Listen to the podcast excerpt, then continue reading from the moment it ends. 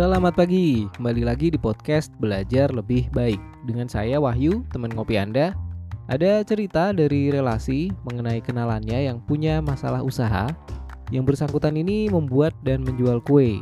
Kelihatannya sih lancar, banyak pesanan, lapaknya ramai. Kalau dilihat dari luar nggak ada masalah. Tapi di sisi lain ternyata sering memiliki masalah keuangan sampai lapaknya ini dilepas dan dia pindah ke lokasi lain. Yang namanya usaha, masalah atau tantangannya bisa macam-macam. Kalau dari sisi produk, kadang ada usaha yang produknya memang kurang bersaing. Tapi kue buatannya ini termasuk enak loh. Kemudian kalau dari sisi modal, ada juga usaha yang berat dibeli bahan dan sebagainya. Tapi yang ini modal awalnya juga oke, cukup-cukup aja. Kemudian kalau sisi pasar, kadang ada usaha yang sulit membuka pasar. Tapi yang ini laku banget, langganannya banyak. Usut punya usut ternyata masalahnya di manajemen atau pengelolaannya dan spesifiknya di pengelolaan keuangan.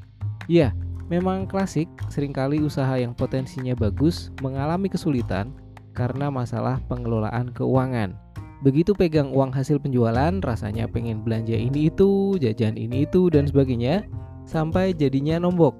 Terus besoknya pinjam uang dulu untuk beli bahan, Kemudian penjualan bagus lagi dan hutang ditutup, tapi lusanya kembali lagi.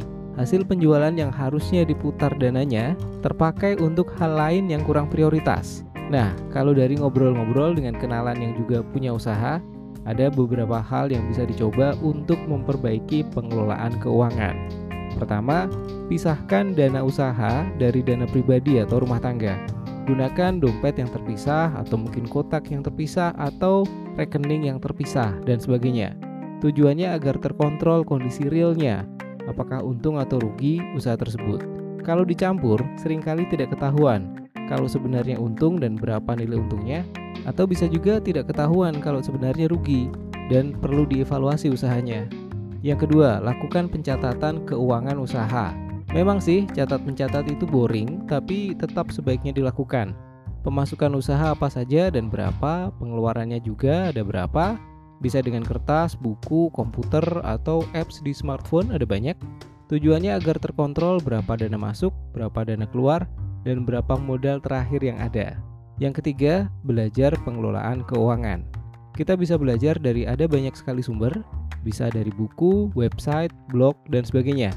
Tapi sebagai catatan hati-hati ya kalau misal ketemu dengan modus yang berkedok cara kaya instan. Itu sih bukan pengelolaan keuangan, itu cara untuk membakar uang Anda.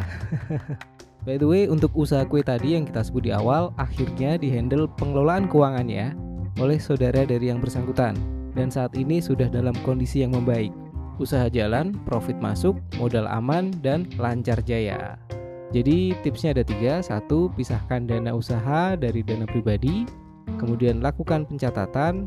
Dan yang ketiga, belajar pengelolaan keuangan. Itu saja untuk kali ini.